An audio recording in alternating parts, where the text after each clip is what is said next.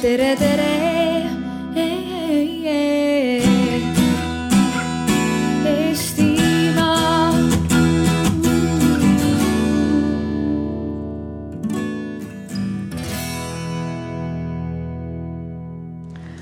Tere ja aitäh kõigile, kes on siia kohale tulnud või kes vaatavad meid Rahvusraamatukogu Facebooki lehelt. Äh, mina olen Silvia Urgas, ma töötan advokaadina advokaadibüroos TGS Baltic ja ma tegelen intellektuaalomandi küsimustega ja lisaks sellele olen ma oma elus ka palju kirjutanud erinevaid tekste, nii et olen autoriõigustega tuttav ka selle teise poole pealt, kus autor tahaks elada. ja meie tänane teema ongi kasutaja tahab tasuta, autor tahab elada ja see on Eesti Rahvusraamatukogu poolt välja pakutud äh, äh teemapüstitus ja täna on minuga koos siin paneelis äh, muusik Maarja Nuut äh,, siis Vikimeedia Eesti esindaja Märt Põder äh,, justiitsministeeriumist Kärt Nemvalts ja EAÜ Eesti Autorite Ühingu tegevdirektor Kalev Ratus. ja kuna meie tänane teema äh, puudutab väga sügavalt, mis asi on kultuuripärandit, digitaalset kultuuripärandit, siis äh, võib-olla kõigepealt oleks äh, hea kui me räägiksime lahti, mis asi üldse on kultuuripärand, et äkki Kärt justiitsministeeriumi poole pealt oskab äh, anda selgituse, mis asi on kultuuripärand? Äh, aitäh selle esimese küsimuse eest kohe ja ütlen tere ka minu poolt kõigile, kes täna meid kuulavad ja vaatavad paraku äh, sellise ühese vastuse jään ma võlgu, sest äh, mina juristina otsin kohe legaaldefinitsiooni ja minul ei tule pähe sellist kohta, kust leiaks kultuuripärandi kui niisuguse definitsiooni. järelikult seda peaks vaatama kuidagi sellise tunnetusliku ja, ja kogemusliku taustaga pigem ja, ja tunne on, et kuigi see pärandisõna seal sees eeldaks justkui midagi väga vana siis ta pigem ei ole ikka mõeldud ainult sellise vana üle-eelmisest, eelmisest sajandit pärit äh, loominguna või, või pärandina, vaid see ikkagi tähendab tegelikult kõike, mida inimesed äh, kultuuri loomisel teevad ka praegu ega ilmaasjata ju ei koguta säilituseksemplare kultuuri säilitamiseks äh, ka nii-öelda kaasaegsetest teostest. et mina pigem vastaksin sellele niimoodi, et, et see on siis kogu looming, kultuur, mida mida inimesed, loojad äh, loovad nii enne kui praegu, aga muidugi autoriõiguslik mõõde kogu sellele teemale tekib äh, eelmise sajandi jooksul, sest autoriõigused kehtivad mingi teatud perioodi ainult. aga jah, see pärand on siis äh, aegade algusest kuni päris uute, uute, uue sisuni, ütleme siis nii, seda arvaks mina. ja peale meie paneeli tulevad siia Eesti Väitlusseltsi väitlejad, äh, kes äh, soovivadki väidelda teema, küsimuse üle, kas kasutajal on õigustatud ootus tasuta kultuuripärandile. ja kultuuripärandi all siis mõtlekski põhimõtteliselt kõiki teoseid, mis on loodud ükskõik mis ajal, ükskõik millise äh, kultuurilise väärtusega, et noh, kui Tõnis Lukas eristas sellist kõrgkultuuri ja kinosid, ööklubisid, siis sinna alla mina vähemalt liigitaks absoluutselt kogu kultuuri ja kõik teosed, mis võiksid maailmas olemas olla. ja kui teie, kes te siin olete või kes on Facebookist vaatavad, siis kui te saate minna lehele oma nutitelefoniga menti.com ning panna sinna koodi üheksa, kaheksa, kolm, kaks, kaheksa, üheksa, seitse, siis te saate hääletada selle küsimuse üle ja osad on juba hääletanud, viis häält on poolt, üks on vastu. et äh, umbes tunni aja pärast tulevad väitlejad, kes väitlevad uuesti selle küsimuse üle ja siis me küsime uuesti seda küsimust ja vaatame, kas väitlejad või tänane paneel on kuidagi kallutanud teie arvamust. ja ka lisaks sellele küsimusele, kui teil on endal mingeid küsimusi, siis andke julgelt käega märku ja siin on selline oranž mikker, mille me saame teile toimetada. ja ka Facebookis saavad inimesed alla kommenteerida ja siis Rahvusraamatukogust Marta ehk edastab need küsimused mulle, kui neid peaks olema ja kõigepealt, äh, kuigi see teema on väga üldine, siis äh, autoriõigusega on päris mitu päevakajalist sündmust võib-olla juhtunud viimaste aasta jooksul. et eelmine aasta rääg- ja üle-eelmine aasta räägiti väga palju sellest, et äh, võeti vastu Euroopa Liidu uus autoriõiguste direktiiv äh,, mis äh, peakski lahendama probleemi, kuidas digikultuuri ajastul saaks kultuuripärandit kaitsta niimoodi, et autoritel oleks sissetulek, aga samas oleks võimalik inimestel ka kultuuri tarbida. ja see direktiiv tekitas väga laialdaselt küsimusi. eelkõige kuulus artikkel seitseteist, mis tõi kaasa ka vestlused teemadel, et kas meemid keelatakse ära ja kas inimesed ei saa üldse enam näiteks sample ida või muusikat kasutada teiste oma. nii et äh, praegu justiitsministeerium äh, ma saan aru, valmistab ette selle direktiivi Eesti õigusesse ülevõtmist. ja kuna Eesti autoriõiguse seadus on, tuleb välja sama vana kui mina, aastast üheksakümmend kaks ja ta on selle aja jooksul üsna vähe muutunud, siis tegelikult seda uut autoriõiguse seadust on vist väga kaua juba oodatud, vähemalt mina olen oodanud mingit äh, uut versiooni samuti on ka tühja kassetitasust väga palju räägitud, kus autorid siis pöördusid äh, Äh, kohtusse nõudes äh, siis äh, autoriõiguse kaasajastamist, et raha ei kogutaks enam kassettide, vaid CD-de pealt, vaid ka muude uuemate muusika kuulamise vahendite pealt. et kuidas, jällegi küsimus Kärdile, et kuidas justiitsministeeriumil selle seaduse väljatöötamisega läheb? Jah, vot see on nüüd küll niimoodi, neid teemasid tuli siin järjest, ma üritasin kogu aeg äh, mõttes lugeda vähemalt kolm, et autoriõiguse seaduse kaasajastamine kui niisugune. eelmise aasta autoriõiguse direktiivid ja siis veel see tühja kasseti teema, et ma tõenäoliselt täiesti vabalt räägiks ülejäänud tund aega täis nendel teemadel, aga ma proovin äh, lühemalt kindlasti et võtaks selle direktiivide teema kõigepealt, sest võib-olla see on selline noh, kõige lähemal südamele ja, ja oma tegemistele viimased äh, aastad tõesti olnud. Äh, kaks direktiivi võeti vastu eelmisel aastal ja sisuliselt on tegemist ähm, väga mahuka materjaliga, mis omakorda tähendab, et väga palju autoriõiguse küsimusi tuleb nüüd läbi kirjutada Äh, ja seda justiitsministeerium teeb.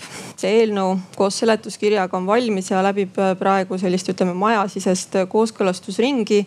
ja nii nagu äh, tegelikult juba ammused plaanid olid, umbes septembri lõpus umbes sellel aastal läheb see siis ähm, teistele ministeeriumitele kooskõlastamiseks ja huvigruppidele arvamuse avaldamiseks, et siis saavad kõik, kõik just nimelt arvamust avaldada selle, selle eelnõu ja kõikide nende teemade kohta. Äh, selle eelnõu kirjutamine ei tähenda seda, et autoriõiguse seadus kuidagi äh, noh, selles mõttes uuendatakse, et ta kuidagi struktureeritakse ümber või tekib uus autoriõiguse seadus, et uus on see autoriõiguse seadus selles mõttes jah, et ta saab väga palju äh, paragrahve juurde aga mingit sellist olemuslikult uut, võib-olla paremini struktureeritud äh, sellist äh, seadust praegu selle eelnõuga ei, ei looda. et see äh, ütleme autoriõiguse või kogu intellektuaalse omandi kodifitseerimine, mis siin mõned aastad tagasi oli päevakorral, see on natukene veel ootel. just sellepärast, et peale selle kodifitseerimise noh kodifitseerimisega tegelemist või sellega tegelema hakkamist hakkas Euroopa Liidust tulema direktiive just autoriõiguse vallas hullupööra, et neid on kokku vist juba neli-viis, mis on tulnud selle, selle, selle mõne aasta jooksul, nii et, et sellega paralleelselt ühtlasi uut autoriõiguse seadust kirjutada ei olnud lihtsalt mõtet. Ja siis kolmas teema, see tühja kasseti teema, et jah, tõepoolest, see on nüüd küll juba aastaid ringelnud küsimus ja, ja väga selliseid tugevaid tundeid tekitab. mina julgen väita, et see on äärmiselt poliitiline küsimus ka. ja nüüd siis äh, omakorda on mul rõõm äh, rõõm olla tunnistajaks sellele, et ka selles osas on olemas eelnõu ministeeriumis, et seda süsteemi muudetakse, kaasajastatakse ja millal see nüüd täpselt sellest kooskõlastusring on juba läbitud selle eelnõu osas. et nüüd on siis vaja nii-öelda edasi saata see valitsusse arutamiseks ja sealt edasi riigikokku, sest tegemist on ka autoriõiguse seaduse enda teatavate muudatustega. aga jah, et see, see võib-olla juhtub, et saab varsti ka sellele üle kümne aasta pikkusele saagale punkti. aga see jah äh, ei tähenda, et see kuidagi kerge teema oleks või see menetlus nüüd edaspidi kuidagi hõlpsalt läheks, ma arvan Äh, nüüd küsimus võib-olla kõigile teistele, et äh, ma saan aru, et huvigruppidele pole veel saadetud arvamuse avaldamiseks, aga kuidas autorid ja Eesti nii-öelda vaba meedia aktivistikas, kas te olete samuti juba võtnud justiitsministeeriumiga ühendust, kuidas teie hinnangul võiks autoriõiguse seadust muuta või millised on teie arvamused? Kõigepealt võib-olla seda, et see esimene küsimus oli, et mis on kultuuripärand üldse. et äh, mulle tundub, et kultuuripärandi võtmine niimoodi staatiliselt, et see on mingisugused teosed. et see ei ole adekvaatne tegelikult, sest äh, kultuuripärand on see, mida päritakse ehk siis nagu noh, mida võetakse vastu, aga see, mida ka pärandatakse, et see on tegelikult protsess. et kultuur ei ole midagi, midagi, mis on valmis, mingi teoste hulk, vaid see on pidevas loomises. ja selles mõttes äh, tasub seda kultuuripärandit ilmselt võttagi niimoodi, et, et see tähendab selle kultuuri loomist ja selle taaskasutamist ja talletamist ja siis selle talletatule ligipääsemist ja kõike seda. et, et ei ole nagu mõtet seda niimoodi staatiliselt võtta ja, ja mulle tundub, et, et need äh, autoriõiguse seadused, mida Kärt mainis, mida on või need nii-öelda muudatused, mida on palju tulemas ja on palju tulnud. et need tegelikult äh, kõik käivad nagu mingisuguse lõtkuga selle muudatuste järel, et tegelikult see, see vajadus reguleerida seda, kuidas internetis saavad autorid tasu või mida võib alla laadida, et see on olnud juba kümmekond aastat rohkem kui veel äh, arutluse all. nüüd ta on siis lõpuks kuidagi jõudnud noh nagu tegelikkusse aga samas on juba uued küsimused, no umbes need küsimused, et kuidas autorid saavad platvormidelt tasu ja nii edasi. ja selle Eesti näide on eriti selles mõttes markantne, et, et kui see kasseti, tühja kasseti tasu, mis peaks nagu autoritele tagama niisugust üldist sissetulekut, et see on reguleerimata Eestis juba nii pikka aega äh, ajakohaselt. et siis see näitab, et tegelikult Eesti ei ole üldse selles autoriõiguse ja üldse selle digitaalse pärandi reguleerimise vallas nagu eesrinnas. et me viime ellu seda, mida kuskilt Euroopast tuuakse ja me ei innoveeri seda valdkonda, kuigi meil oleks nagu noh digiteemades eesrindliku riigina palju võimalusi seda teha. ja nüüd noh, kuna see tühja kasseti tasu tegelikult äh, on üleval ka selle Eesti Autorite Ühingu uue juhatuse äh, mm, noh, nagu laual ja seda on arutanud just äh, see seltskond omavahel. et mis sellega peaks tegema, siis oleks see tegelikult võimalus seda asja muuta ja uuendada aga praegu tegelikult vist on plaanis lihtsalt see siis nagu see võtta tühja kasseti tasu, nii nagu ta kehtis kunagi siis nagu kassettidele ja tuua see siis praegu sellesse digitaalsesse sfääri. aga samal ajal uuendamata seda, mis saab Spotify tasudest ja mis muudest platvormide tasudest saab, mis sisuliselt on samasugune nagu probleem. et selles mõttes selle kui nüüd rääkida sellest vaba meedia huvi, huvidest, siis, siis äh, oleks huvi tegelikult selles, et vaadata seda digivaldkonda süsteemselt. nii et kultuuriloome, see pärandamine, pärandi loomine ja selle taaskasutamine, et see kõik oleks nagu tervikuna määratletud. mitte jupphaaval üks asi natuke lapitud, teine asi natuke lapitud, autorid natuke rõõmsad, kasutajad natuke rõõmsad, aga nagu sihukest nagu terviklikku kindlust kellelgi ei ole. ja noh, eriti siis ei ole nendel, kes ei ole autoriõigusega väga sihukese spetsiifilise valdkonnaga kursis.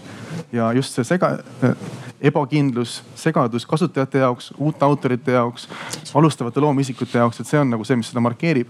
ja, ja Eesti võiks võtta juhtrolli, mida kahjuks Eesti ei ole teinud äh, kuna nüüd tuli juba see teine uus päevakajaline teema sisse, et suvel vahetus siis Eesti Autorite Ühingu juhatus ja Kalev äh, on olnud siis tegevdirektor nii vana juhatuse kui ka nüüd uue juhatuse ajal. et äh, kas sa saad äkki anda meile sissevaate, et olid suured pealkirjad, et EAÜ-s toimus paleepööre, et mis siis nüüd teisiti on või mis on uued suunad, millega EAÜ tegeleb?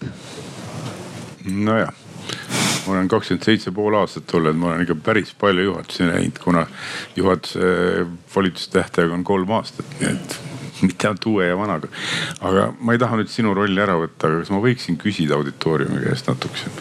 ma olen elus nii palju loenguid pidanud igasugust auditooriumit, ma tahaks tegelikult aru saada, kellega me räägime üldse ausalt öeldes, sest et kui palju on siin need, kellel on juriidiline taust, kes on juurakad? nii, aga palju neid, kes on ise autorid? mõlemad on väga vähe ausalt ma eeldan, et juristid on autoriõigusseaduse läbi lugenud ilmselt, aga ma, kui palju neid on, kes ei ole juristid, kes on autoriõigusseadust lugenud kaanest kaaneni? no eriti ei ole, aga direktiivi, seda uut autoriõiguse direktiivi, DSM direktiivi. üks inimene on ikka, no väga tore. ja, muidugi Kai, sina oled proff, see on ise. noh, siis ongi nagu see huvitav teema, et noh, millest me nagu räägime siis üldse.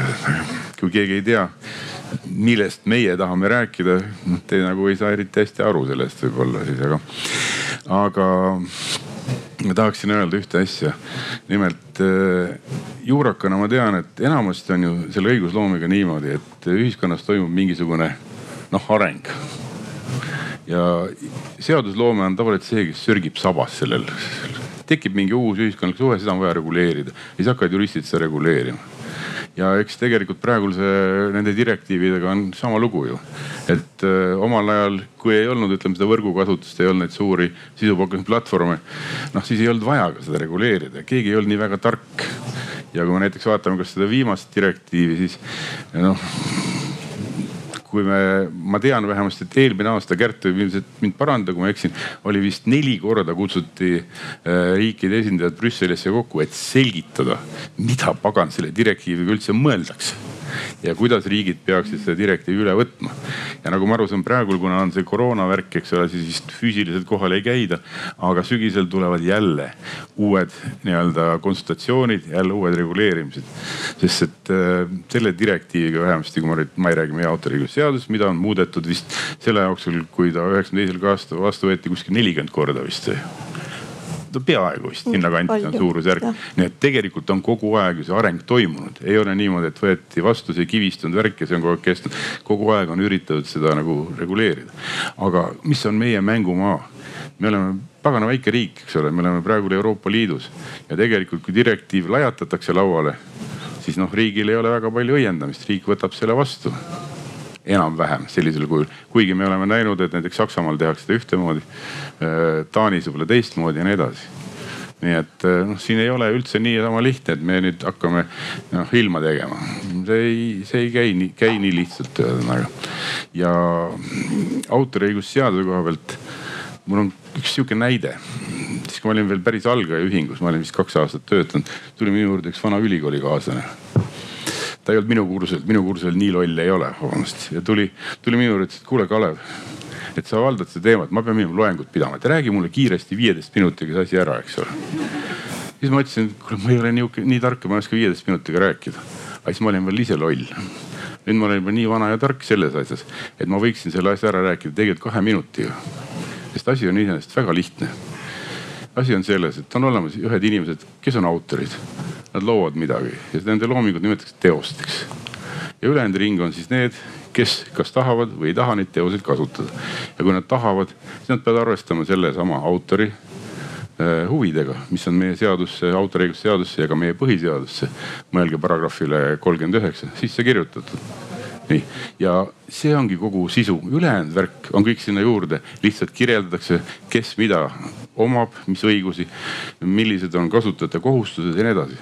aga põhimõte on ikka seesama, seesama hea vana äh,. sa oled autor, sul on õigused ja ma pean õnnitlema tegelikult meie põhiseaduse kirjutajaid, kes kirjutasid sisse sellise, ma kohe lõpetan. kirjutasid sisse paragrahvi kolmkümmend üheksa. see kirjutati sisse ju, eks ole, ammu-ammu, siis kui keegi Twitterist midagi ei teadnud veel. ja tegelikult paragrahv kolmkümmend üheksa, seal on kaks säutsu see paragrahv koosneb kahest säutsust, mis tegelikult mõlemad on valed nii-öelda sisuliselt, aga nad annavad tegelikult kogu mängule nagu aluse. sest esimene lause ütleb, et selle autorile kuulub võõrandamatu õigus oma loomingule mis on tegelikult jama, seepärast enamus autoriõiguse seadusest kirjutab seda, kuidas autor saab oma äh, õigusi võõrandada või vähemasti kasutada anda. ja teine lause on riik kaitseb autoriõigusi, mis on jälle jama, sellepärast et riik ei kaitse mitte midagi. kaitsevad riigi õiguskaitseorganid kui nad kaitsevad. meil on kogemusi, et ei kaitse tegelikult ei politsei, prokuratuurist ma üldse ei räägi. ja isegi kohtunikud ei saa alati asjale pihta. ja kui me räägime riigi rollist veel, siis ühesõnaga see tühja kasseti tasu ehk erakopeerimise tasu, mida me oleme käinud kolm korda kohtus, eks ole. õigemini teist ringi praegu, siis see näitab seda, et riik vastupidi suures kaares vilistab autorite õiguste peale. aitäh siit oleks muidugi hea küsida kohe Kärdilt, aga ma korraks läheks ka Maarja juurde. et kui Kalev äh, esindas ka siis EAÜ seisukohta, siis kuidas äh, sinul on tunne autorina praegu, kuidas, et kuidas on su õigused kaitstud ja kuidas sa saad, kas sa tunned, et Eesti praegu kehtivad seadused tagavad sulle piisava tasu, et ära elada või see raha tuleb ikkagi kusagilt mujalt, pigem väljaspool siis autoritasusid? Maarja ei ole meie liige muide, nii et olgu see. seda huvitavam. nii, ma olen olnud EAÜ liige, aga hetkel kuulun Rootsi autorite ühingusse STIM-i autoriühingud on kõik omavahel loomulikult seotud, mis tähendab seda, et ma ikkagi puutun ka EAÜ-ga kokku, et see on selline võrgustik. Äh, mul on nii palju mõtteid vahepeal peast läbi käinud, sest see tõesti on hästi-hästi lai teema ja siin on nii palju erinevaid selliseid ähm, nurgakesi, et ühest küljest jah, äh, võib võtta asjad kokku äh, kahe minutiga hästi lihtsalt, teisest küljest noh, kui siin räägiti, et mingi uue tervikliku innovaatilise süsteemi loomisest, et, et ähm, et see kõik on nagu ilus, aga, aga see maailm on väga kompleksne ja väga keeruline, et tegelikult, äh, et siin on nii tohutult suured süsteemid, et noh, neid ei seda ei ole võimalik, kõike ei ole võimalik justkui ma arvan niimoodi reguleerida lihtsalt paari pisikese sammuga. Äh, autori seisu, noh, siin on ka nüüd, et nii-öelda, et ma olen autor ja ma soovin te teenida oma sissetulekut autoritasudest, et autoritasud ju laekuvad ka väga erinevatel viisidel, et muusikute seas kindlasti väga palju kütab kirgi praegu igasugused äh, striimingu platvormid, äh, Spotify ja nii-öelda need väga väiksed laekuvad tasud. Äh, minu jaoks siiski näiteks ähm, noh, lihtsalt põhimõtteline üllatus, et äh, sellest hetkest, kui ma astusin STIM-i liikmest, liikmeks, näen ma Spotify laekumisi. Et ma näen, et sealt tuleb reaalselt midagi, loomulikult need summad on väga väiksed, aga et millal, kust on tulnud, mul on nii-öelda raport, et see on nagu iseenesest äh, ma vähemalt näen, et see eksisteerib, sest kunagi varem ma teadsin, et äh, mu muusika on üleval kuskil ja ma mitte kunagi ei näinud mitte midagi selle kohta, et kuidas kuidas see liigub või ei liigu. aga Spotify koha pealt äh, ma arvan, et on väga sinisilmne autorina nõuda nüüd justkui ma peaks sealt rohkem ka tasu saama, et kui me vaatame, kuidas see kuidas see süsteem toimub, kui palju on seda muusikat, mida, kui palju on seda pakkumist, et kuidas on see üldse võimalik tegelikult justkui, et me saaksime väga palju rohkem sealt äh, tasu, et nüüd jällegi muusikud on endast väljas, mida äh, Daniel Ekk rääkis, et justkui tuleks palju toota ja tihti toota. ja, ja minu meelest igal loojal ja autoril on see valik, et äh, kuidas sa soovid oma autoritasusid teenida, kui ma soovin teenida elatist äh, läbi äh, striimimiskanalite, siis jah äh,, tal on õigus, siis peaks seda muusikat niimoodi tegema ja ma peaks justkui nagu äh,, äh, mul on nii-öelda suurem lootus sealt midagi saada äh,. samal ajal ma arvan inimesena, et see on väga kole äh,, väga kole reaalsus väga kole pilt ja, ja väga kurb, kui äh, suur osa artiste nii-öelda tunneb äh, survet oma loomingule, et nüüd nad peaksid hakkama kuidagi midagi looma nii-öelda neid äh, asju järgides. võib-olla täpsustaks, kes ei tea, et Spotify siis juht Daniel Ekk ütles, et kui inimesed, kui muusikud kurdavad, et nendele laekuvad tasud Spotify'st on liiga väiksed, siis tehku lihtsalt tihemini muusikat ja rohkem muusikat, et ei saa enam nii nagu vanasti, et andsid üks kord kolme aasta tagant plaadi välja. jah, ja mis tähendab ainult seda, et see kvantiteet veelgi suureneb, seda müra tekib veelgi rohkem rohkem ja seda pakkumist on veelgi rohkem. samal ajal ähm, teise nurga alt äh, nii-öelda kasutajana näiteks, et äh, ma olin ka väga pikalt selline noh, nii-öelda nagu selline Spotify vastaste klubis justkui, aga ma olen viimaste nädalate jooksul nüüd väga palju ringi pidanud sõitma ja ma kuulan autos Spotify'd ja kuulan, ma olen kuulanud äh, läbi tohutult palju äh, artistide loomingut, äh, noh, kellega ma ei ole varem nii-öelda kokku puutunud, ühesõnaga niimoodi avastan uusi territooriume. ja, ja ma ise olen mõelnud selle peale, et ähm, noh, mina kasutajana tegelikult oleksin nõus rohkem maksma, ma ei eelda, et ma peaksin saama kõike tasuta või väga väikse raha eest. Ähm, samal ajal minu meelest on oluline, et ähm, et nii-öelda digitaalselt oleks äh, seda kultuuripärandit ikkagi, et see oleks kättesaadav inimestele ja et sa saad ennast nii-öelda kurssi viia, mis kuskil toimub, et see on nagu hästi keeruline. et mõnes mõttes äh, noh, et üks variant näiteks oleks, et mida kasutavad ka mingisugused platvormid. et ma saan kuulata kellegi autori loomingut võib-olla üks-kaks korda, kui mulle see näiteks pakub rohkem huvi, et siis ma nii-öelda pean selle kas ostma või maksma midagi rohkem, et noh, need on siuksed lihtsalt mingid mõtted, et, et ühesõnaga, see on väga keeruline teema ja autoritasusid, jah, see on mulle ikkagi oluline sissetulekuallikas aga, aga eelkõige seetõttu, et ma mängin väga palju kontserte ja mulle siis laekub nii-öelda autoritasusid kontsertide mängimise eest, mis hetkel loomulikult neid ei ole, sest kontserte ei ole. Aga kahju, et sa ei pannud üles seda slaidi, mis ma sulle saatsin Spotify kohta ja. see oleks väga ilmekalt illustreerinud tegelikult asja. ja me võime hiljem Facebooki feed'i panna, et Kalev saatis slaidi selle kohta, kui palju tegelikult raha laekub autoritele Spotify'st. mis ma arvan, et me kõik nõustume, et see on vähe. see on nagu selline teada fakt juba. aga äh, kuna tegelikult kultuuripärand, me rääkisime väga lai äh,, aga see on ka laiem kui muusika. et tegelikult, eriti kuna see on Rahvusraamatukogu ala, siis äh, praegu Eestis tegeletakse väga aktiivselt Eesti kultuuripärandi digitaliseerimisega. et just lugesin ühte artiklit, kus väideti, et Eestis äh, on äh, Eesti mäluasutused hindasid, et on üheksasada miljonit äh, kultuuripärandi objekti, mida tuleks digiteerida. ja sinna alla noh ei käi ka ainult teosed, sinna alla käivad näiteks äh, kunagiste vallakohtute kohtuotsused, mis tegelikult on ka osa kultuuripärandist teatud määral.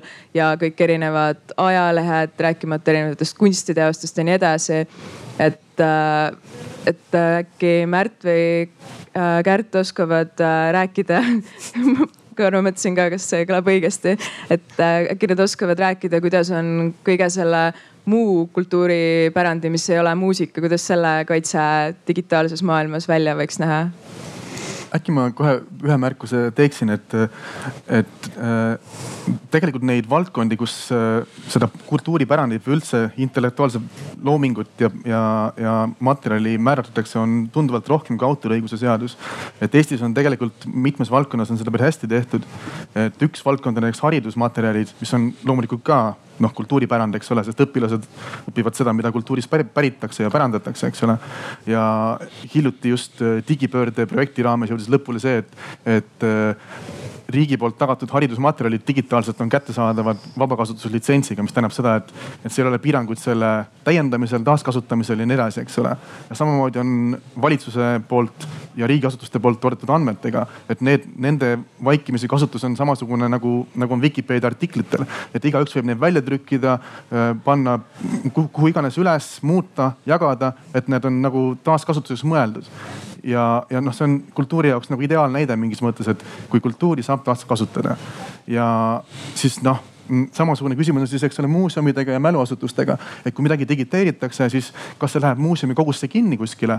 siis peab ootama, kuni seda saab kasutada või minema muuseumi või, raamatukokku spetsiaalsesse kabiini seda lugema. või ma saan nagu kasutajana nii-öelda kultuuriliikmena seda siis noh, sellele ligi ja saan seda alla laadida, saan sellega midagi teha. võib-olla seda tsiteerida, toota mingisugust uut tüüpi kultuuri nii-öelda nähtust sellega, et võtta mingi vana video, teha sellest midagi muud, võtta mingi audio, teha sellest hoopis midagi muud, eks ole. et kõik need võimalused ja noh, selles mõttes see, see suund on sinnapoole, et, et, et riigi toetusel loodud sisu, et, et see tehakse vabalt kättesaadavaks nende vabakasutuslitsentsidega. samamoodi nagu on Vikipeedia või nende haridusmaterjalide kättesaadavus siis, et see laieneb ja, ja noh mingis mõttes see ongi see küsimus, mis seob siis seda mm, noh kultuuripärandit autoriõigusega. et ühelt poolt meil on see kultuuripärand, mis võiks olla kättesaadav, mida peaks saama digiteerida ja mida saaks taaskasutada ja taaskasutada ka kultuurikihtide siis nagu uuesti kasvatamisel ja kultuuri nagu taasloomisel aga siis siin on need siuksed nagu need käärid, eks ole, et, et, et on autorite huvid ja siis noh eks sa äkki siis räägid seda autorite huvide poolest natuke ise siia juurde äkki?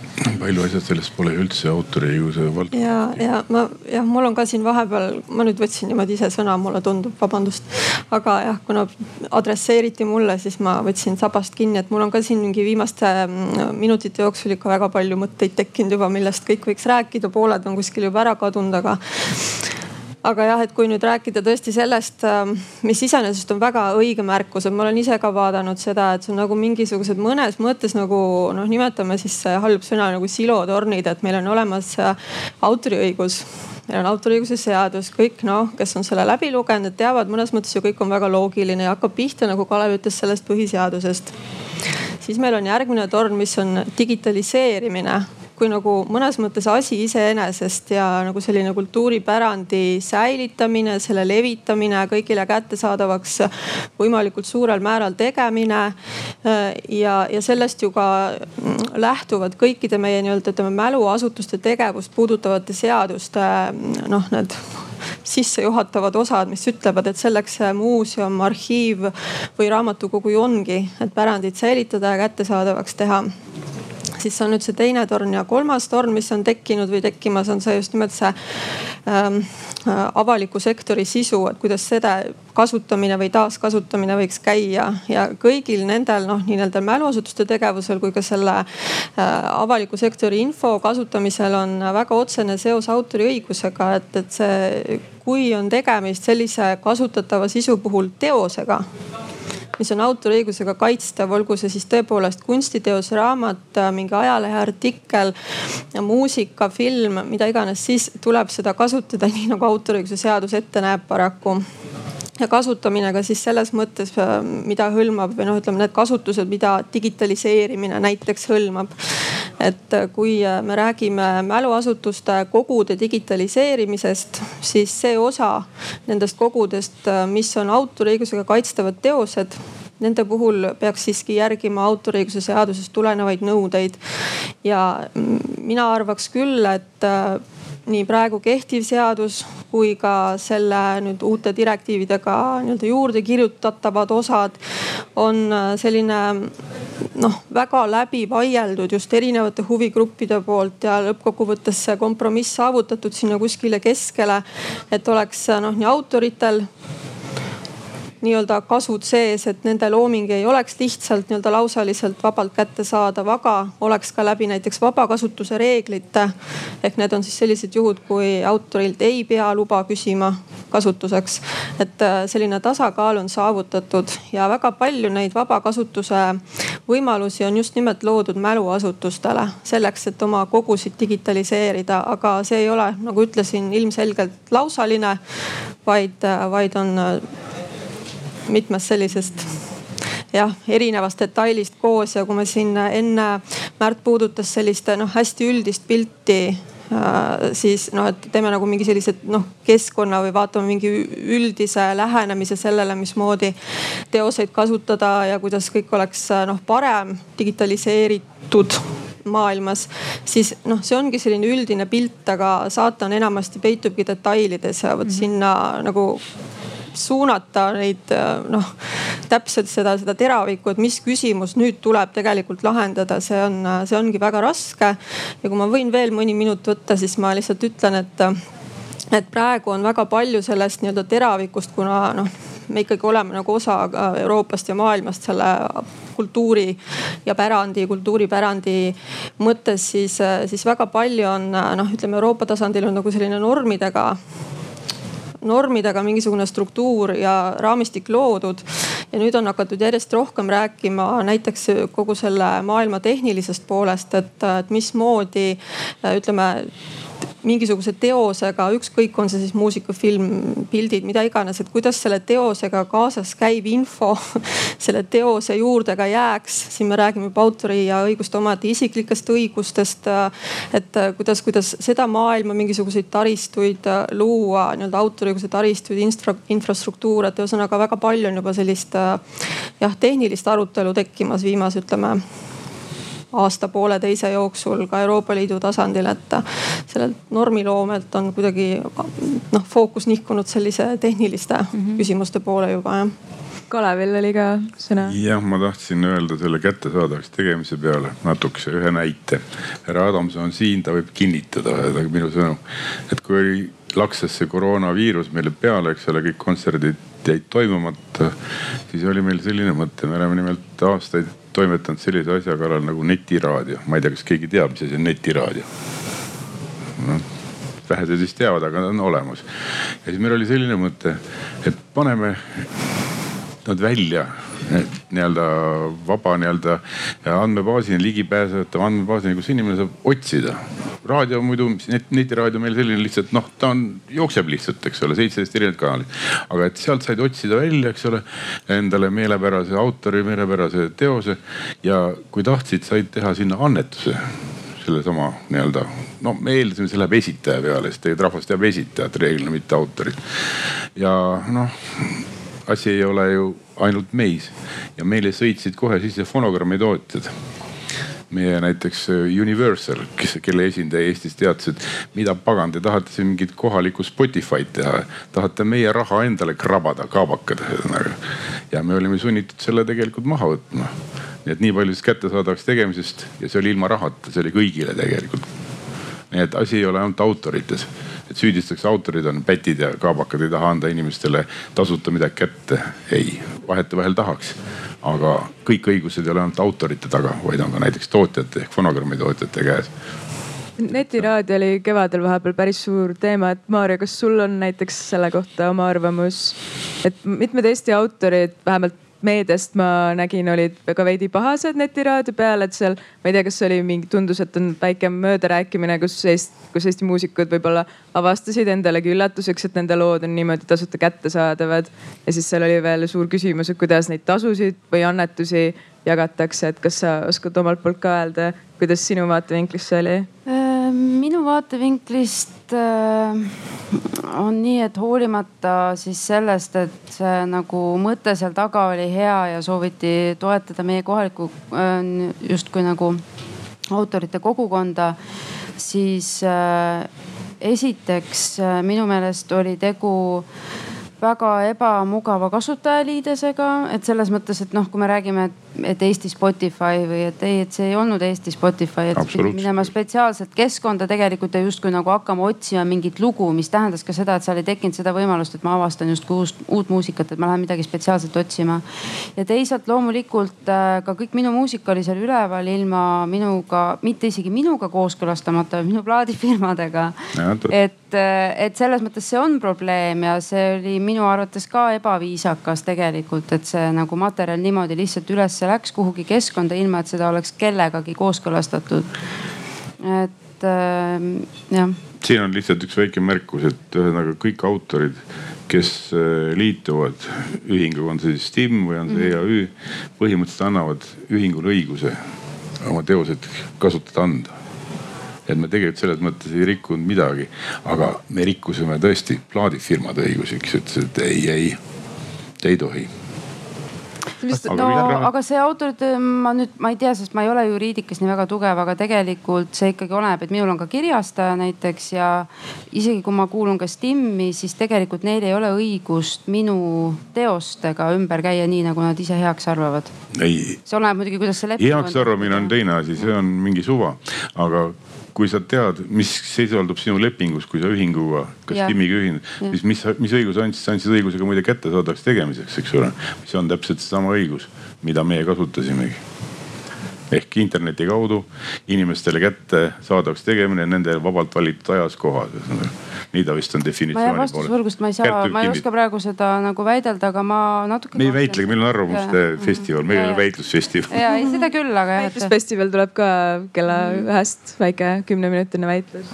aga selles mõttes, et võib-olla see ongi küsimus sellele Eesti Autorite Ühingu uuele juhatusele, kes äh, lubas, eks ole, uuendusi.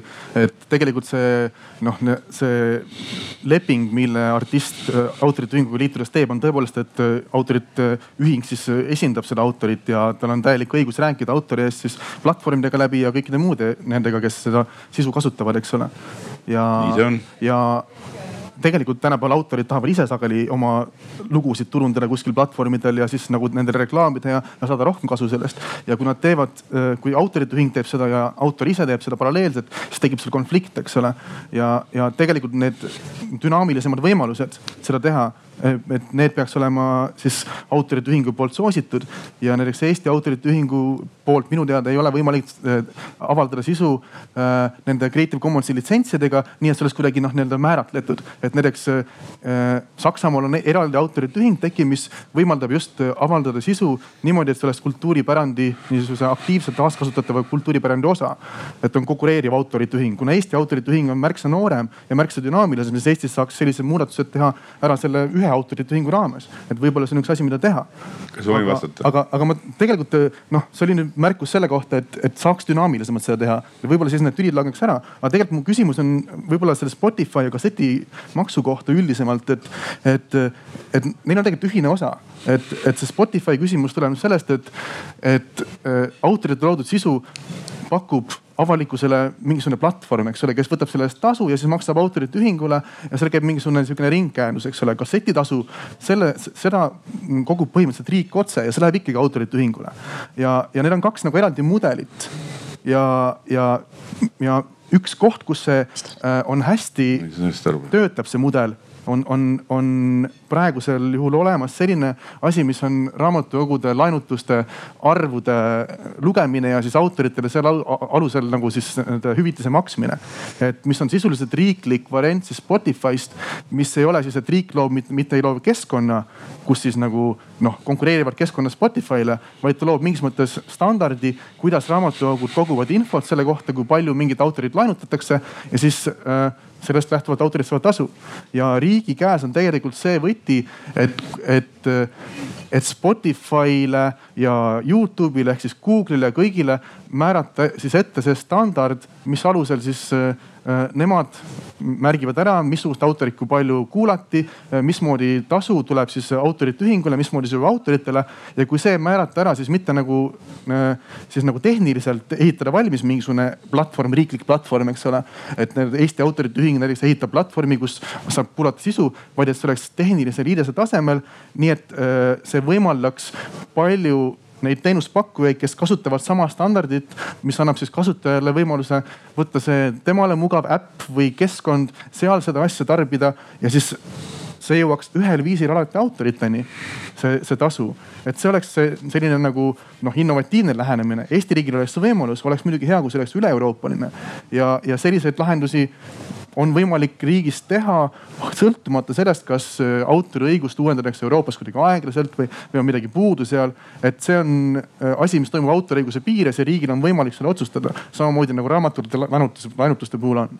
ja noh äh, kuna autorite ühingu praegune juhtkond on sel teemal sõna võtnud, et sellega on probleem, see vajaks lahendust, siis äkki siis need, see noorem juhatus äh, suhtleb nende startup'i inimestega, kes saavad nendest tehniliste liideste küsimustest aru ja kuidas see tehniliselt on võimalik uuendada seda süsteemi. Äh, et, et nad saavad niimoodi kokkuleppele, et, et kuhu suunas see võiks liikuda. et Eesti võiks tõesti siin mingisuguse huvitava piloodi käima panna, kus oleks nii-öelda üleriigiline standard selle jaoks, kuidas võiks tekkida noh sama sissetulekuvoog, mis on läbipaistev ja arusaadav Spotify'le, Google'ile, kõigile muule. ma annaks nüüd Kalevile sõna ja siis Kärdile ja siis küsiks äh, ka publikult et.... siin oli nüüd ühesõnaga pandi nii-öelda saapad, kalossid ja sandaalid kõik nagu ühte putti ja nagu. no kassetitasu on riigi poolt. kui, kui ma võiksin alustada sellega, et ühesõnaga, kas autoril on, et autoril on nagu võimalus ise asja ajada ükskõik kas Creative Commonsi litsentsi alusel või üldse nagu võtta oma õigused ära, siis jah, see õigus on tegelikult olemas. autor ei pea olema seotud ühinguga, aga me ei saa teha seda praegu vähemasti noh, tehniliselt ja seda ei tehta kuskil maailmas, et ühe teose kaupa võetakse välja ja öeldakse, et vot seda teost ma nüüd sinna sellise õudusviisi anna. jah, kui näiteks ütleme, noh Maarja ütleks Stimmile. kirjastajad teevad niimoodi, tegelikult et, on. no, jah. no kirjastajal on kataloog, ta on suur kataloog, see on teine asi, aga ühesõnaga ja paljud kirjastajad on muide on läinud otse ilma ühesõnaga ühinguta on läinud juba nende suurte platvormidega noh diili. Nad tegelikult on noh sõltumatud paljud on me saame iga päev mingisuguse meili kuskilt jälle, et ühesõnaga vot need ja need ühesõnaga kirjastajad on teinud otse nüüd mingi platvormiga diili. aga ma tahtsin lihtsalt seda öelda, et autoril on võimalus öelda, et jah, ma ei taha, et ühesõnaga te esindate mind näiteks seal mm. -hmm. see sihuke opt-out on tegelikult täiesti olemas, see on kehtib mm. -hmm. mis puutub nüüd seda tühja kasseti värki, siis see on noh, hoopis, hoopis nagu teine teema, sest seal ei ole mitte ainult autorit taga, seal on taga on fonogrammi tootjad, seal on esitajad, seal on, nüüd tulevad sisse, nagu ma aru saan, eks ole, ka filmi esmasalvestuse tootjad, eks ole, seal on tegelikult terve ring ühesõnaga neid, kes on nagu asjast huvitatud ja kõige minu meelest, äh, kuidas öelda, kõige näljasemad, kui nii võib öelda, tühja kasseti tasu uue regulatsiooni järgi on just nimelt meie fonogrammi tootjad. sest kui meie kogume aastas kuskil seitse miljonit euri, eks ole, siis nemad koguvad aastas ühe miljoni heal juhul. ja siis nende nii-öelda suured omanikud, eks ole, kes on ka näiteks meie board'is siin neil. näiteks Universal ütleb, mis jama see on koguge rohkem, me tahame rohkem raha saada. nii et noh, see on hoopis nagu teine teema, ühesõnaga kuidas riik seda reguleerib, see on praegu riigi käes ühesõnaga. riik üritas alguses ju saada jah, et ühesõnaga riik annab mingi summa umbes nii nagu selle sama, millele sa vihjasid, eks ole, selle raamatukogu laenutushüvitisele. noh, see oleks üks variant olnud, aga vaat mina olen tulnud sotsialismi ajast ja mina isiklikult vihkan kogu seda värki, mis on seotud sotsialismiga ühesõnaga.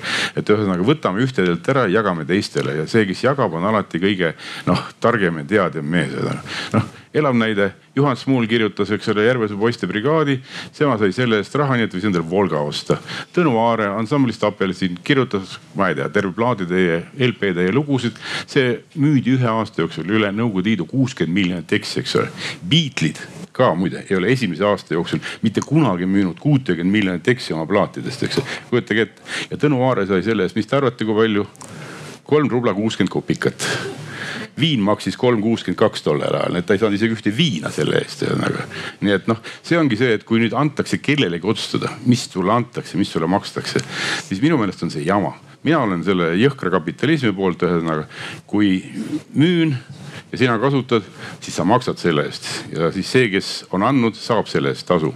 aga mingisuguseid sihukesi muid jamasid, noh, pole vaja. ja mis puudutab nüüd sellesse aruandlusse, et ühesõnaga, kas meie teame ka, kui palju on kedagi kasutatud, siis jah, me oleme sõlminud nüüd kõigi nende suurte platvormiga lepingud. Eelmise aasta jooksul, tänavu aasta olid esi- või tänavu aasta olid ikka viimased. Ja nad tegelikult annavad aru. Nii naljakas kui ei ole, nad annavad aru aga lihtsalt meie turuosa on niivõrd naeruväärselt väike. ma hea meelega annaks rahva hulka, siin on siis AKI nii-öelda see Global Collection numbrid, eks ole, siin on näha, et koguti üheksa koma kuus miljardit eurot, eks ole kahe tuhande kaheksanda aasta jooksul ja digitaalne osa on ainult üks koma kuuskümmend neli ehk seitseteist protsenti. see on kogu maailmas, eks ole. Eestis me kogusime eelmine aasta seitse miljonit euri, eks ole. ja meie osa digitaalsest oli ainult sada kakskümmend tuhat euri. see on alla kahe protsendi mis näitab seda, et tegelikult see turuosa, mida ühesõnaga need suured platvormid ütleme meie autoritele siin Eestis ütleme teenitud reklaami ja siit korjatud ühesõnaga selle noh, kuidas öelda nüüd juurdepääsutasu pealt maksavad, see on tegelikult naeruväärselt väike. aga samas ma ütlen, et kui seal on hea mees, keda on mitu, ma ei tea, sada miljonit korda kasutatud, siis ta midagi saab täiesti saab. vabandust, Kalev, ma annaks Kärdile nüüd sõna, sest ta pole kaua rääkinud ja ta on oodanud juba viisteist minutit, nii et palun. tänan ja jällegi mul on pooled mõtted juba tulnud ja läinud, aga mõnest asjast äh, ma tahaksin tahaksin küll kinni haarata, et seesama noh, näited, mida Märt tõi, et, et natukene võib-olla tõesti segatud erinevaid asju, et äh, need, millele viidati, nii see raamatukogu laenutustasu kui ka see niinimetatud tühja kasseti tasu. et need on oma olemuselt mitte see, et äh, kas kollektiivse esindamise organisatsioon või see mm, autor ise nii-öelda ei teosta oma mingit varalist õigust, vaid need on juhud, kui seda varalist õigust on piiratud. ehk tegemist on mingi vaba kasutusega. ja siis see vaba kasutus on nii-öelda kompenseeritav ja see kompensatsioonimehhanismi või selle regulatsiooni on vot siis jah riik paika pannud. ja nüüd veelgi detailsemaks minna, siis tõepoolest see nii-öelda avalik laenutamine või raamatukogu laenutamine, see on niisugune noh, põhimõtteliselt riigieelarvel põhinev süsteem Eestis tühja kasseti tasu ei ole ja nii palju, kui praegu teada on, see sellisena ka jätkab, et ta ei ole riigieelarvest nii-öelda rahastatav. aga kõik muu ütleme teoste kasutamine, mis käib nii-öelda nende ainuõiguste pinnalt, noh siin räägiti sellest kättesaadavaks tegemisest, kui nüüd sihukest kuiva juriidikat natukene rääkida või siis kopeerimisest ehk reprodutseerimisest ja kõike noh, nii-öelda ringhäälingus kasutamist. et kõik sellised ainuõiguste kasutamised siiski käivad sellise lepinguvabaduse nii-öelda privaatautonoomia põhimõtete järgi, et siin nagu ma pigem küll julgeks ka öelda, et ei poolda sellist, ütleme noh, võib-olla riiklikku tariifistikku lausa või midagi. aga siin omakorda selle noh, teoste kasutamise mm, kasutamiseks autori nii-öelda poolt parema kontrolli omamiseks ja võib-olla ka ise rohkem tegutsemiseks ongi jälle needsamad igasugused tehnilised platvormid, et siin mitu noh algatust proovitakse või on tekkinud näiteks sellise noh plokiahela mingisuguste liikumiste allhoovusena ja et noh, selliseid võimalusi praegu kombitakse just täpselt, et autor võib-olla isegi sellise esindusorganisatsioonita, kuidas ta saaks paremini ise noh täiesti ise nagu öö, oma õigusi teostada, ilma et vot tekiks näiteks selliseid üllatusi, nagu ma saan siin aru, oli selle netiraadioga seoses. et, et jah, selliseid võimalusi on, otsitakse praegu, aga midagi nagu väga sellist manifesteeritud ei ole, jah annaks Maarjale sõna ja siis hästi, võtaks kindlasti publikust. hästi kiiresti lihtsalt selline lühike kommentaar, et Äh, noh, üks näide sellest, kuidas need asjad, protsessid on väga komplekssed, on see, et, et ühest küljest äh, mina olen looja, ma olen autor, mul on erinevaid valikuvõimalusi tänapäeval, kes, kuidas nii-öelda neid tasusid saada. ma võin kuuluda autoriühingusse, kes esindab mind. Äh, mul võib olla kirjastaja, minul on näiteks selline kombinatsioon ja justkui tegelikult on nagu selline laiem tiim, kõik me töötame ühe eesmärgi nimel ehm, et kui ma mängin kontserdi kuskil Shanghais, et siis see info kuidagi ikkagi jõuaks läbi mingite teede lõpuks minuni. ja, ja ühest küljest kõik võiks justkui töötada, aga reaalsus on see, et tegelikult äh, just needsamad nii-öelda tehnilised takistused tihtipeale ja nii-öelda, mis on see, äh, kuhu seda, kuhu neid andmeid kogutakse, kuidas see andmeedastus käib, et ega lõppkokkuvõttes äh, tihtipeale me hoopiski takerdumegi tehniliste tõrgete taha, sest et seda andmemahtu on nii palju, seda müra on nii palju, et et see ja siis sa oled autorina lõpuks seal otsas, et sa annad selle ühe osa protsendist on ju kirjastajale, teise osa protsendist autoriühingule midagi ja lõpuks oled sa ikka seal lõpus ja, ja ja selles mõttes, et sa lihtsalt näed, et see jada muutub veel pikemaks ja et seda garantiid, et midagi sinuni jõuab Mm, noh, justkui nagu tegelikult ei ole. Ja seal on loomulikult veel igasuguseid nippe, osades ka autorite ühingus on näiteks selliseid siis reglemente, et kui sa kirjutad nii-öelda klassikalise loo või registreerid selle justkui nagu kunstmuusikana, siis sealt laekub suurem tasu. see on nii ka Rootsi autorite ühingus Saksamaal et noh, seal me juba seisame ette äh, silmitsi nii-öelda, et mis hetkel muutub mingi asi klassikaliseks, sel hetkel, kui ma olen noodi kirjutanud et äh, ükskõik, kuidas ta siis kõlab, et ühesõnaga jah, see kõik on väga kompleksne tegelikult. Ja, kas kellelgi on küsimusi rahva hulgast, siis tõstke käsi ja teieni toimetatakse mikrofon. jah no ma arvan, et tasuta see on hea, tasuta, aga las vot kellel on õigusi, las, las ta laadib ja mitte kedagi seda näiteks laulu mitte kuhugile teine, teine inimene ei laadi. ja siis las suhtlevad, kui palju see ressurss maksab talle. aga no okei okay,, no Spotify, Spotify, Youtube, no, no on, on võimalik äh, kokku leppida, äh, kui palju nad maksavad. aga näiteks vot Venemaal on näiteks tam sotsiaalvõrgud, võib-olla teistes vabariigis on oma sotsiaalvõrgud, kes vot sõltuv rahvas kasutab. no vot näiteks see, kui seal on mingid Eesti näiteks laulud, kas on võimalik suhtel, suhtelda nendega või maksa mul, vot näiteks mina olen, mul on, on, on õigused, siis maks või kasvõi maksa mulle raha, et, et sinu, et siin, et sul on minu laul või kustuta kas ma võin vastata? jah, see vist on EAÜ. tegelikult on teema see, et ühingud toimivad omal territooriumil ja kui näiteks Venemaal on juttu mingist Vene platvormist, siis selleks on RAO, see on Rossijski Avtorski Общество, eks ju, kellega meil on leping, nende asi on oma territooriumil ära klattida oma kõigi nende võrgustikega. aga muide, ma tahtsin öelda, inimesed reeglina ei saa aru ühest asjast, et tegelikult, kes on kasutaja nende eh, võrkude puhul, nende platvormide puhul kasutaja on tegelikult see omanik, Google näiteks, eks ole.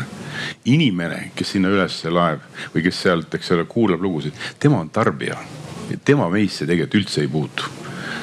ja tasu peab maksma ja loa peab saama see, kes on tegelikult see kasutaja, kes teenib selle pealt äh, raha. kas siis reklaami põhiselt, eks ole, või siis juurdepääsu, eks ole, tasu pealt. nii et ärge ajage kahte asja segamini. inimestesse näiteks kõik see Spotify'd ja Youtube'id ja Facebook'id, see teisse ei puutu. see on nende omanike rida ära klattida õiguste omanikega. kas nad teevad seda ühingutega, teevad nad seda kirjastajatega reeglina nad peavad loomulikult plaadifirmadega tegema, sest nagu te teate, plaadifirmad, kolm suurt, eks ole, vaala.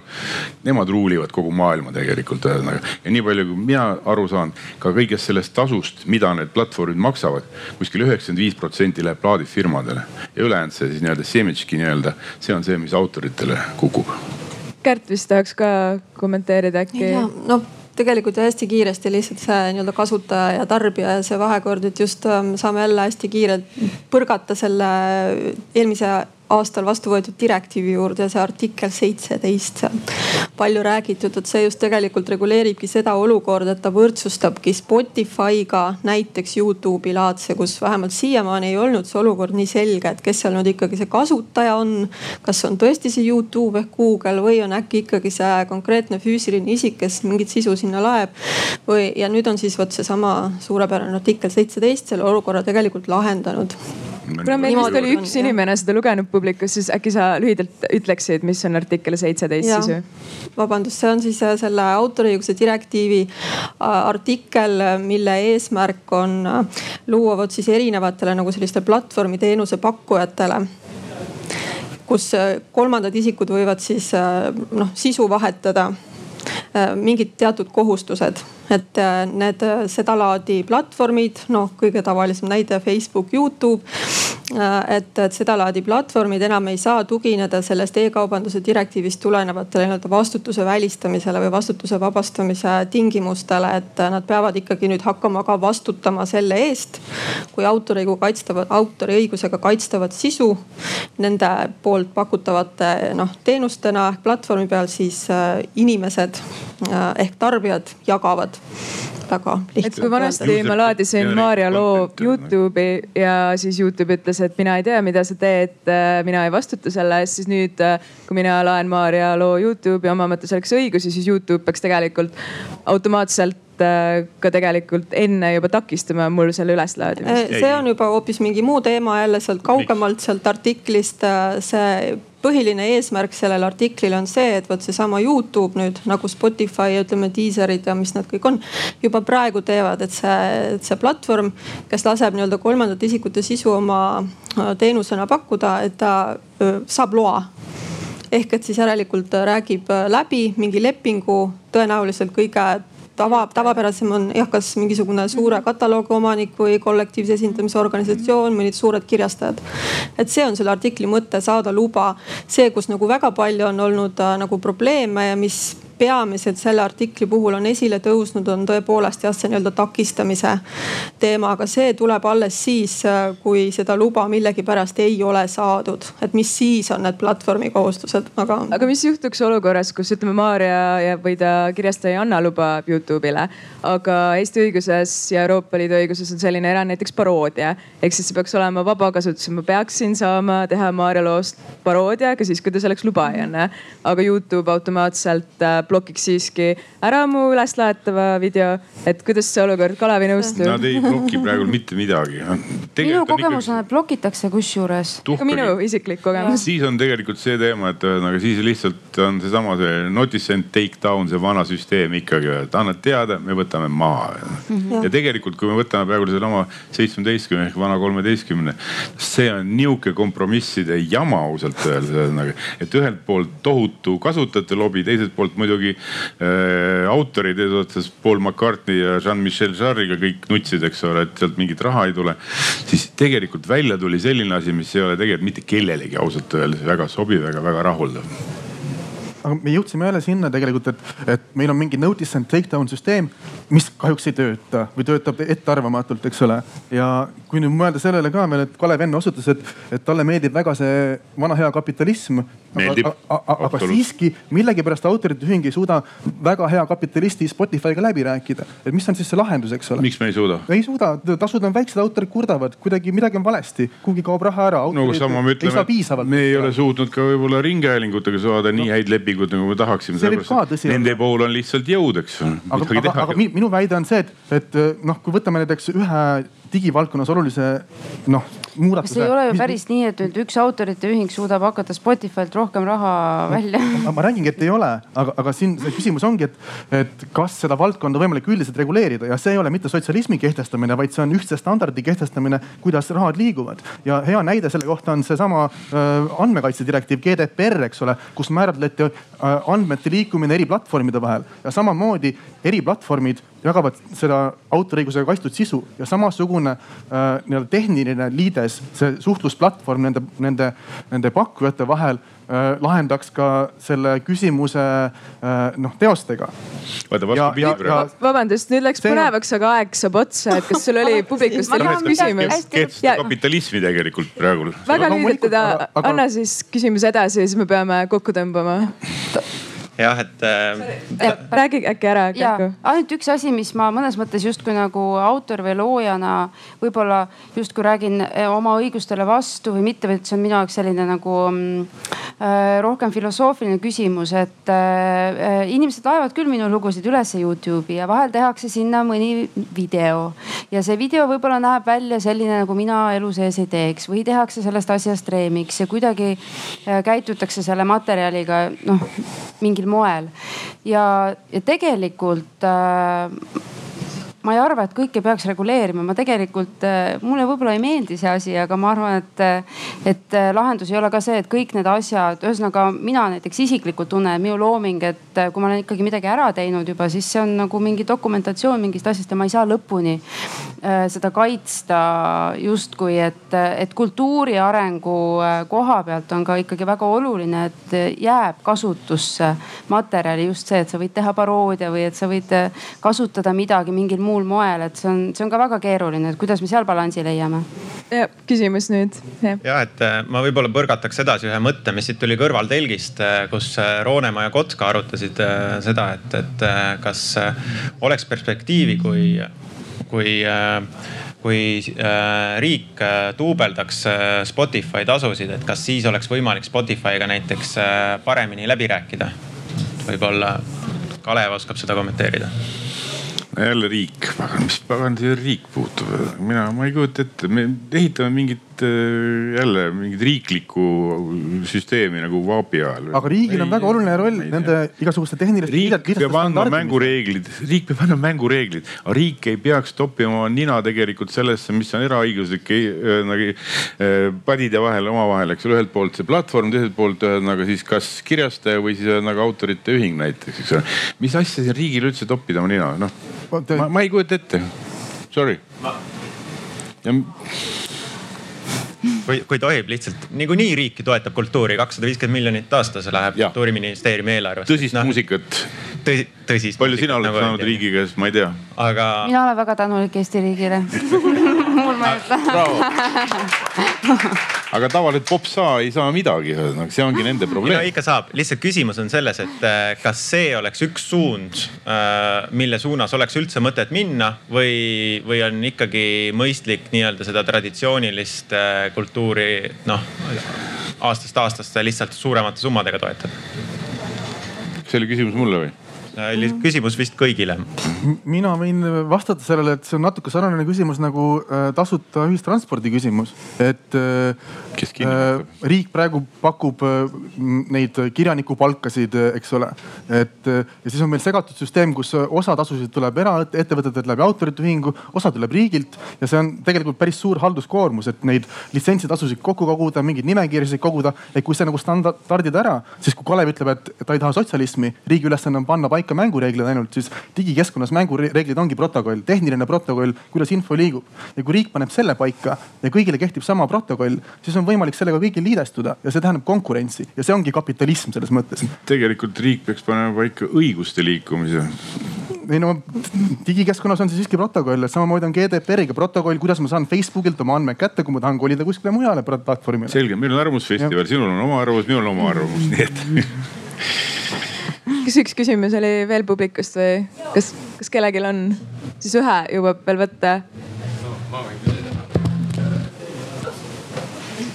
ma võin suht võhik sel teemal olla, aga äh, kas äh, mulle nagu tundub, et äh, et me oleme nagu liikumas üldse sinna suunas, et tegelikult äh, plaadifirmasid kui selliseid tegelikult nagu, nagu ei olegi otseselt vaja, kui siis ainult selles mõttes, et äh, et neil on nagu raha, neil on lihtsalt nagu raha ja see. Neil ei ole raha tänapäeval. no seda enam. millisest plaadifirmast me räägime. ei, ma mõtlengi neid suuri, suuri kolme nagu onju, sest vanasti oli neid kuus, nüüd on kolm. neli mi....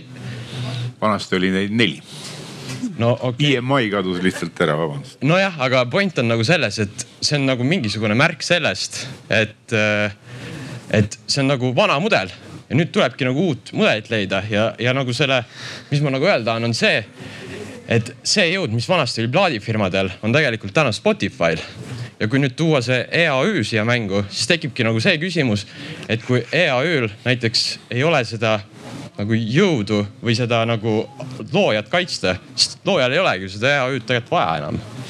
Eks nad siis ütlevad, aga muide tahtsin öelda ühte huvitavat fenomeni, et eh, Eesti ja Jaapan, sa peaksid Jaapani turgu ka teadma küll, sa oled käinud seal, eks ole? ei ole. aa, ei olegi, okei ma arvasin, me olime sinuga ühes lennukis, aga siis sa ei lennanud ilmselt Jaapani. nii, siis ühesõnaga tegelikult äh, jah Eestis on kogu aeg olnud see konnatiik, eks ju, meil on nii väike turg. aga nii naljakas ei ole, kui me vaatame nimetuste järgi, palju aastas antakse välja plaate. ma ei räägi tiraažist, ma räägin nimetusi. siis tegelikult meil ei ole nimetuste arv vähenenud, sest iga poiss, kes natukese kidrat plõnnib, tahab oma CD välja anda või nüüd moodsal ajal LP, eks ole, vinüüli. ja see tegelikult noh, Marjat kahjuks mul ei ole täna siin, kes on meil selle osakonna juhataja. ta võib teile numbrid välja tuua, tegelikult kui palju toodetakse Eestis plaate nimetuste järgi, see on uskumatu, müts maha Eesti autorite ees ja esitajate ees, kes seda teevad. ja muide, japsidel on sama fenomen, japsid toodavad tegelikult tohutult plaate jätkuvalt edasi nii naljakas ei ole. kui sa vaatad, ütleme samu andmeid noh rahvusvaheliselt, kas sellelt, mis ta nüüd on, IFPI-lt, eks ole, kes on plaadifirmade katusorganisatsioon, sa näed seda sealt. aga muidugi uus mudel on olemas, see ei kao, see läheb laiemaks, täiesti selge. aga selles suhtes ma tahaks nagu seda öelda, et, et plaadifirmad, et tänapäeval on võib-olla sellel muusikul võimalik ise neid plaate toota nagu. absoluutselt. jah, et nagu selles. ma võin mõttes... ka oma GarageBandiga, mis mul siin sees on, hakata plaate tootma. jah, ja kui sa leiad raha, kuidas seda turundada ja kui sa leiad leiad nagu selle sihtgrupi, kellele see meeldib, siis ju tegelikult lõppkokkuvõttes on olemas selline asi nagu orgaaniline turundus, ehk siis ta kasvab iseenesest. see sinu looming kasvab ja lõpuks ongi see küsimus, et kui ta juba nii suureks kasvab, et siis kas, kas mul on seda plaadifirmat vaja, sest plaadifirma täna, täna ju nagunii ei võta ju seda lambist tüüpi, tema tahab võtta juba seda, kes on kuhugi kasvamas, aga kui sa oled juba suutnud üksinda ära kasvada kuhugi maani, siis tekib nagu see küsimus, et aga kui ma olen juba nii palju kasvanud, miks mul seda plaadi. aga selles mõttes ei ole maailmas mitte midagi ju muutunud, sest tegelikult kui sa arvad, kuuekümnendate aastal oli niimoodi, et nii kui ma olin vinge vend, siis tuli plaadifirma, koputas minu uksele. ei, mina käisin, kraapisin plaadifirma ukse taga, eks ole, käisin palumas, eks ole, et laske mind teie firmasse, eks ole, tootma. ei täpselt sama lugu on ka praegu ja kusjuures hullem on see, et nüüd võrgu kaudu, kui omal ajal minu noorpõlves me teadsime kõike kolmekümmend vinget bändi, kes tollal maailmas ruulisid, eks ole. siis nüüd otsi Youtube'ist, sa leiad seal kolmsada miljonit bändi, eks ole, kes toodavad. aga mis tähendab seda, et kui sul ei ole seda õnne, et sa saad sinna eh, nii-öelda toppi, siis sa oled see, see nii-öelda long tail, keegi ei tunne sind, eks ole. Maarja, kas sul on plaadifirmat vaja? Ehm, oleneb olukorrast esiteks ma ütleks seda, et, et Spotify ja, ja plaadifirma kui selline, et minu meelest neid ei saa üldse võrrelda. no täiesti erinevad üksused. Äh, nagu maailm on meil, muutub järjest mitmekesisemaks, nii on ka plaadifirmasid väga erinevaid, et on, on suuremaid, on väiksemaid. see, miks mingil, ma olen teinud koostööd erinevate plaadifirmadega äh, olen teinud koostööd äh, noh, et võrdluseks midagi väga sellist pisikest ja niši, samal ajal ma nüüd lasin ühe loo välja Sonyga just, et nagu justkui on võrdlust. ja see põhjus, miks ma, mille kellegagi koostööd teen seal taga, see võib olla väga erinev lõppkokkuvõttes. Jah, loomulikult ma võikski kõike ise teha, ma võin oma loo ise teha, ma võin selle ise salvestada. ma võin selle välja anda ise, ma võin selle eest tasusid koguda. aga aga niigi ma olen, veedan iga päev umbes äh, väga palju tunde seal arvuti taga, et see lõppkokkuvõttes on lihtsalt asi selles jõudluses. Ja plaadifirma tänapäeval eelkõige võiks toimida justkui promo mõttes, et sealt nii-öelda seda äh, finantsi võib-olla väga ei tulegi, aga sa soovid kuuluda mingisugusesse samasse seltskonda mingite kindlate artistidega näiteks. ja sul on tiim, mis tähendab, et sul on inimesed, kes mõtlevad sinuga kaasa ja aitavad, et ma arvan, et majanduslikus mõttes, äh, kui me ei räägi nüüd väga suurtest plaadifirmadest ja popstaaridest, siis majanduslikus mõttes on kindlasti kasumlikum äh, plaat ise välja anda tänapäeval. aga kõike ei saa alati alati rahas mõõta, et see on võib-olla hea sissejuhatus äh, järgnevale väitluse teemale, et äh, meie paneel kahjuks aeg on otsas aga samal teemal väitlevad edasi Eesti Väitlusseltsi väitlejad siis Kerli ja Maarja. ja ma küsiks kõigepealt viimase asjana lihtsalt jah-ei küsimuse, mis oli ka publikul, et kõigilt panelistidelt enne seda väitlust, et kas kasutajal on õigustatud ootus tasuta kultuuripärandile, lihtsalt selline julm jah-ei küsimus järjest. peame vastama? no ei pea, aga võiks peab, ütles Arvamusfestivali korraldaja siit. ei ja jaa, mul on see, et see oleneb, see on, see on minu jaoks natukene laialivalguv, see teemapüstituse küsimus, aga, aga üldiselt äh, kui ma soovin midagi kasutada eh, ja mulle see meeldib nii-öelda või et ma tõesti nagu soovin seda kasutada ja ma süvenen sellesse, siis mul ei ole tõe, tõepoolest eeldust, et ma peaksin selle saama niisama austusest lihtsalt selle looja vastu selles mõttes, et kui kasutaja on maksumaksja, siis ta on midagi juba maksnud kuskile ja äh, põhimõtteliselt see üldiselt kättesaadava kultuuripärandi äh, eest maksmine ei, ei, ei peaks olema kasutaja õlul. kasutaja peaks saama sellele otse ligi ja selle peaks korvama mingitest maksudest. Ja lühikommentaar, kui me vastandame neid plaadifirmasid ja platvorme, siis tegelikult platvormid tänapäeval teravad plaadifirma rolli sisuliselt.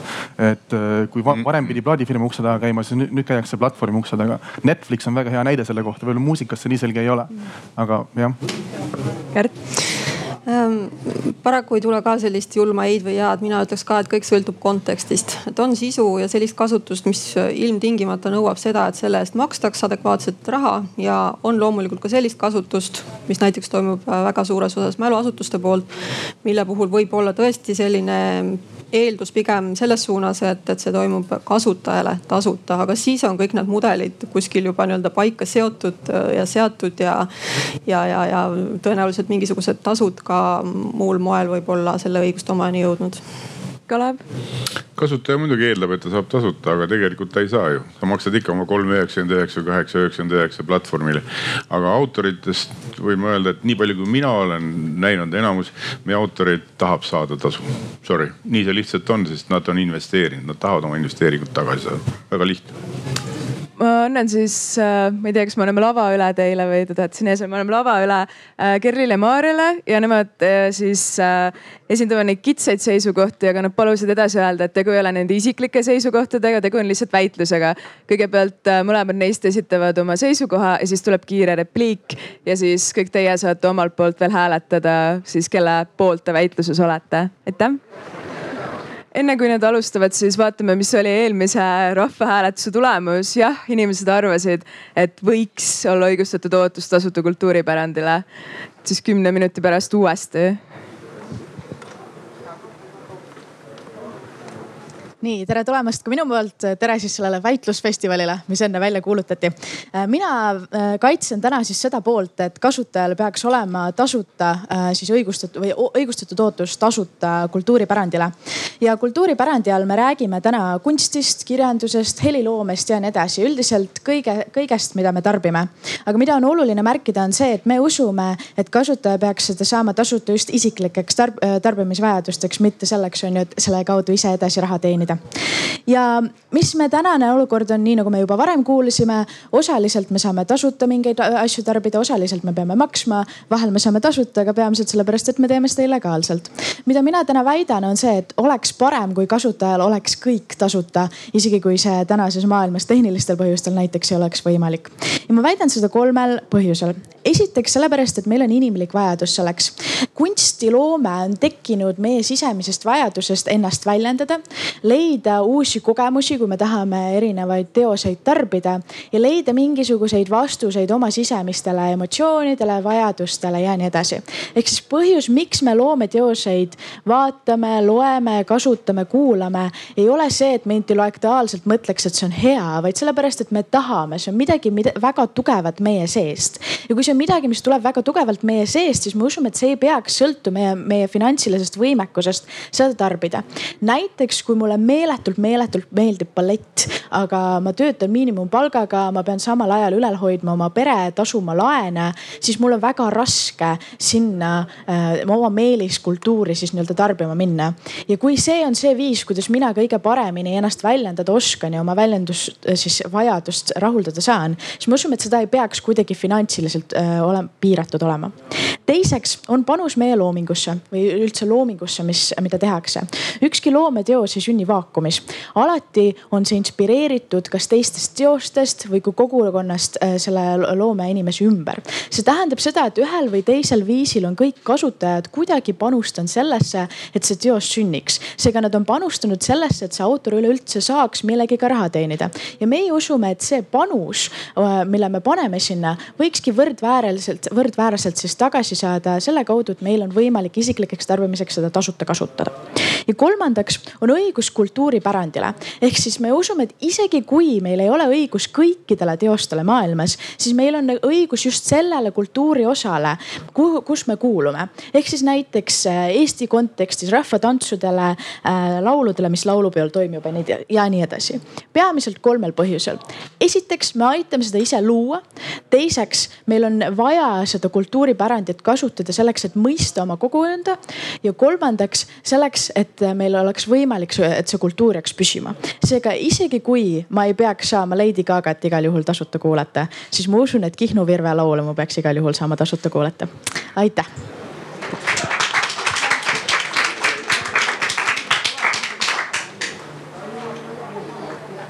tere ka minu poolt, mina esindan siis vastupidist seisukohta. ma tahaks alustada kõigepealt sellega, et ma tahaks alustada kõigepealt sellega, et ma olen nõus sellega, mida Kerli ütles, et meil on õigus kultuuripärandile. aga ma arvan, et ainus vahe on siin see, et meil ei ole õigus tasuta kultuuripärandile. eriti olukorras, kus me nõustume sellega, et looming on väga oluline meie jaoks, see loob meile, meie ühiskonnal väga palju väärtust. ma tahaksin rääkida kahest aspektist. esiteks ma tahaks rääkida, miks meil puudub äh, moraalne õigustus äh, võtta siis põhimõtteliselt autoritelt see raha ära ja teine, miks ei ole ka õigustatud praktilises mõttes mõttes, miks see oleks kahjulik meie äh, kultuuri äh, püsiva jäämisele üldiselt. esiteks moraalsest õigustusest. intellektuaalse omandi äh, õiguse režiim on ju meil osaliselt ka kehtestatud sellepärast, et me oleme leidnud kollektiivselt, et inimestel peaks olema õigus oma tööviljadele.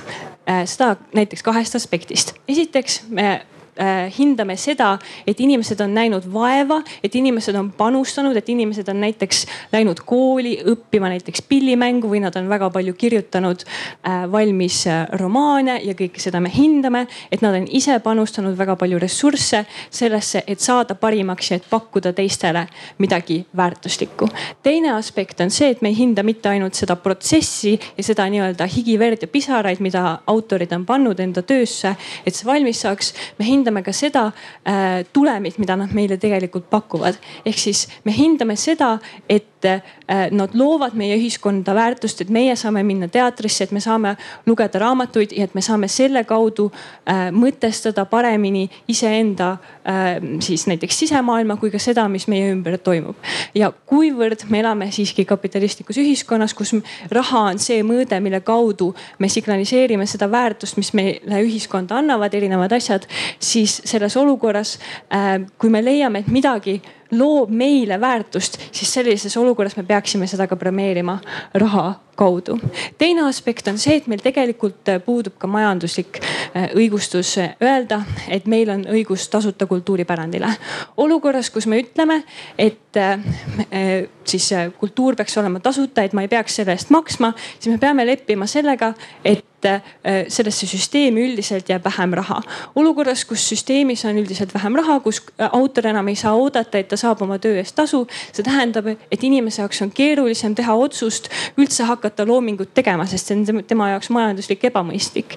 mis selle tulemusena juhtub, äh, on see, et inimesed, eriti inimesed, kes tulevad vähem priviligeeritud taustast, otsustavad üldse mitte loomingut teha või, või, või nad teevad seda näiteks äh, äh, väiksemas ulatuses. mis tulemus on see, et meil ühiskonnas üldiselt on selle tulemusena vähem loomingut, sest et inimesed lihtsalt peavad näiteks tööl käima, kui, kuna nad ei saa loomingu kaudu raha teenida. Äh, ja, ja eelkõige teevad loomingut inimesed, kellel on selleks juba majanduslikud võimalused olemas. Ma arvan, et meie kultuuri püsimajäämise aspektist äh, ja sellest moraalsest aspektist, et me peaksime inimesi premeerima selle eest, et nad loovad meie ühiskonda väärtust. meil ei ole õigustatud ootust tasuta kultuuripärandile. aitäh.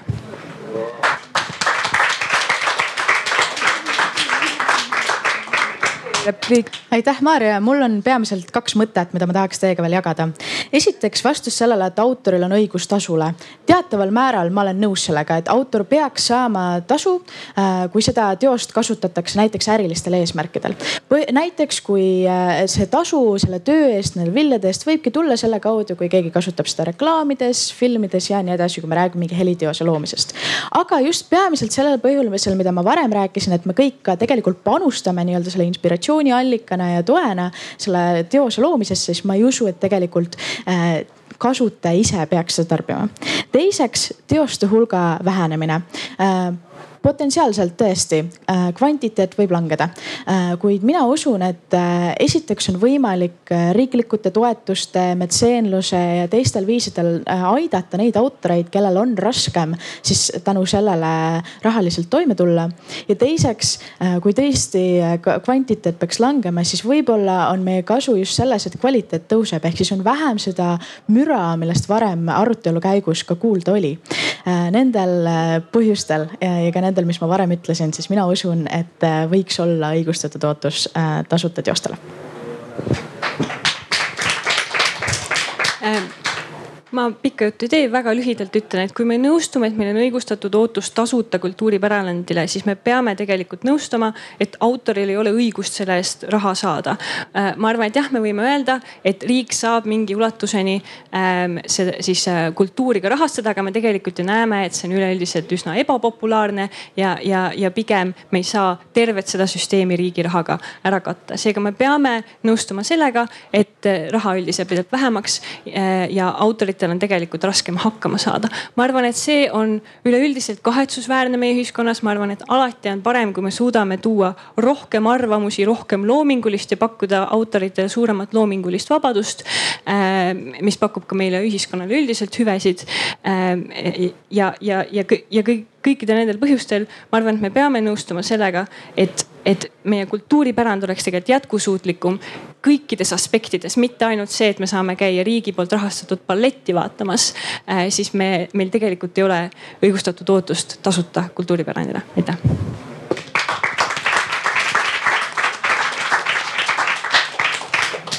Aitäh Kerlile ja Maarjale ja teie saate minna menti.com lehele ja panna sisse koodi üheksa, kaheksa, kolm, kaks, kaheksa, üheksa, seitse ja veel hääletada, et kohe need tulemused peaksid ka laivis ekraanile tulema. ja mina tänan äh, omalt poolt äh, kõiki paneliste ja väitlejaid ja kõiki, kes meid kuulasid. aitäh kui enne juhtis jah, siis nüüd on äh, olukord võrdne, et äh, vastus on jah ja ei, mis on vist kokkuvõte üleüldse tänasest paneelist, nii et aitäh.